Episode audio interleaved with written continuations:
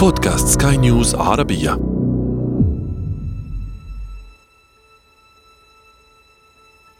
يعتبره العلماء كبسولة زمنية مصممة لنجدة البشر إن حدثت كارثة كبرى. يقول القائمون عليه إنه بمثابة تأمين عالمي للأجيال المقبلة. وحينما استخدم لأول وآخر مرة منذ إنشائه، تم استخدامه بسبب ما حدث من أضرار في إحدى الدول العربية من جراء الحرب. يعرف في النرويج باسم قبو سفيلبارد أما في بقية العالم فتطلق عليه أسماء عدة سفينة نوح وقبو يوم القيامة. هذا أنا عمرو جميل أحييكم. وأنتم تستمعون إلى بودكاست بداية الحكاية الموسم الثاني. بداية الحكاية.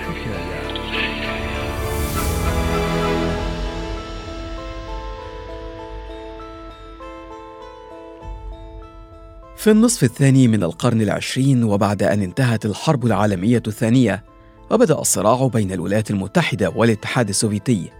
كانت أكبر المخاوف هو تحول هذه الحرب من حرب باردة إلى حرب مشتعلة. كان اندلاع مثل تلك الحرب بما تملكه القوتان العظميان من أسلحة نووية مدمرة يعني نهاية حقبة كاملة من الحضارة البشرية وتحول العالم إلى حطام. فكر البعض في كيفية منع نشوب مثل تلك الحرب المدمرة، لكن آخرين انشغلوا في التفكير في كيفية إنقاذ من سيتبقى من العالم في حال نشبت الحرب. أجريت دراسات عديدة حول تأثير وقوع حرب نووية على العالم. تسمم الأجواء وغياب أشعة الشمس وشح الغذاء. وكان طبيعيا أن يكون تأمين الغذاء على رأس أولويات عملية الإنقاذ المحتملة. وهكذا وضعت سيناريوهات عديدة. كان من بينها إنشاء بنوك لتخزين بذور النباتات. أكبر قدر من بذور النباتات بحيث إن وقعت الكارثة تتاح الفرصة لمن ينجو من البشر للنجاة من المجاعة عبر إعادة استزراع تلك البذور.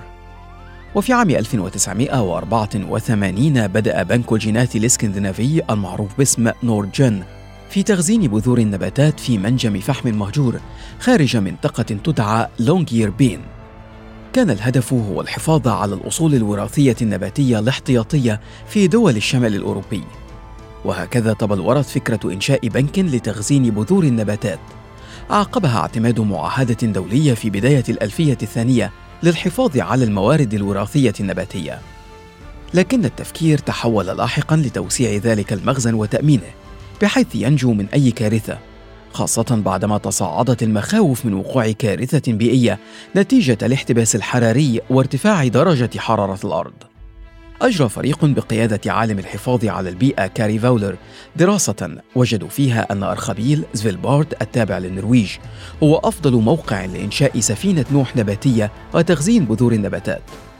تم طرح المشروع ووافقت حكومة النرويج على تمويل وبناء قبو البذور بالكامل وتم افتتاحه في السادس والعشرين من فبراير من عام 2008 يقع القبو في سفيلبارد التي تقع في منتصف المسافة تقريبا بين أراضي النرويج والقطب الشمالي حيث تبعد بنحو 1300 كيلومتر تقريبا من القطب الشمالي ونحو 1000 كيلومتر من البر الرئيسي للنرويج. اختيرت تلك المنطقة تحديدا لاعتبارات عديدة. فهي اولا تحيط بها طبيعة متجمدة تساعد في حفظ البذور من التغيرات المناخية أو التلف نتيجة التعرض لارتفاع في درجات الحرارة. وهي أيضا بعيدة عن مناطق الصراع السياسي والحروب في العالم ما يجعلها أكثر امانا في حال وقوع حرب مدمرة بين قوى عالمية. تم الأخذ في الاعتبار كذلك الاستقرار الجيولوجي الذي يجعل الموقع بعيدا عن الزلازل والبراكين والكوارث الطبيعية. أما تصميم القبو فروعيت فيه القدرة على مواجهة الزلازل والتغيرات المناخية والهجمات النووية بل واحتمالية اصطدام الأرض بمذنب أو كوكب خارجي. يتكون القبو من ثلاثة كهوف كبيرة بنيت على عمق نحو 130 مترا في باطن جبل دائم التجمد كما يرتفع لنحو 130 مترا فوق سطح البحر لحمايته من أي ذوبان للجليد ويستطيع تخزين ما يصل إلى 4.5 مليون فصيلة بحيث يتم تخزين 500 بذرة من كل نوع. وبسبب كثافة هطول الثلوج لا يظهر من مبنى القبو سوى مدخله ولكن يحتوي على أوعية تضم مئات الآلاف من الأصناف من البذور الصالحة للزراعة مقدمة من كل بلد في العالم وتصنف بحسب القارات التي جاءت منها. يحتوي المبنى أيضا على وحدة تبريد تعمل بالفحم وتساهم هذه الوحدة في خفض درجة برودة القبو إلى 18 درجة تحت الصفر. وحتى في حال توقفها عن العمل يمنح ذلك البذور عدة أسابيع قبل الوصول إلى درجة الحرارة الخارجية المحيطة بالقبو والتي تبلغ ثلاث درجات تحت الصفر. وهو ما يضمن سلامة تلك البذور لأكثر من 200 عام. أما عن تأمينه فإن القبو مزود بأجهزة إنذار تنطلق عند أي محاولة لاقتحامه أو خلع أبوابه وهو ما لم يحدث منذ أن تم افتتاحه في عام 2008 وهكذا بدأت دول مختلفة وبنوك البذور في مناطق متعددة من العالم في تقديم عينات من بذور النباتات لحفظها في قبو سفيلبارد عينات من دول مثل الولايات المتحدة وكندا ودول أوروبا بالإضافة إلى عينات أخرى من بنوك الجينات في كندا وسويسرا وكولومبيا والمكسيك وسوريا وأفريقيا. أصبح حجم ونوعية البذور المحفوظة يزداد سنوياً. فبحلول عام 2013 ضم القبو ما يقرب من ثلث الأجناس المخزنة في بنوك الجينات على مستوى العالم. وفي 2018 في الذكرى العاشرة لافتتاح قبو زفيلبارد ارتفع عدد العينات المحفوظة بداخله إلى أكثر من مليون عينة. وفي يونيو من 2021 يبلغ عدد العينات داخل القبو بحسب الموقع الرسمي له نحو مليون وأحد عشر ألفا وخمسمائة عينة لنحو ستة ألاف نوع وأكثر من ألف جنس من النباتات. تبرع بها 87 بنك بذور من مختلف دول العالم. تمثل أكثر من 13 ألف عام من التاريخ الزراعي للبشر. تحول القبو فعليا إلى سفينة نوح نباتية تنقذ العالم في حال حدثت كارثة كبرى أنهت الحضارة البشرية بالشكل الذي نعرفه. لكن وبرغم كل الاحتياطات التي اتخذت وتتخذ للحفاظ على سلامة القبو وصيانته والتي كلفت الحكومة النرويجية أكثر من 280 ألف دولار في عام 2019 للمحافظة عليه بات الخطر يهدد قبو زفيلبارد في أكتوبر من عام 2016 أدى الاحتباس الحراري الذي تشهده الأرض وارتفاع درجات الحرارة إلى ذوبان الجليد المحيط بالقبو. تسربت المياه بشكل أكبر من المتوقع إلى مدخل القبو.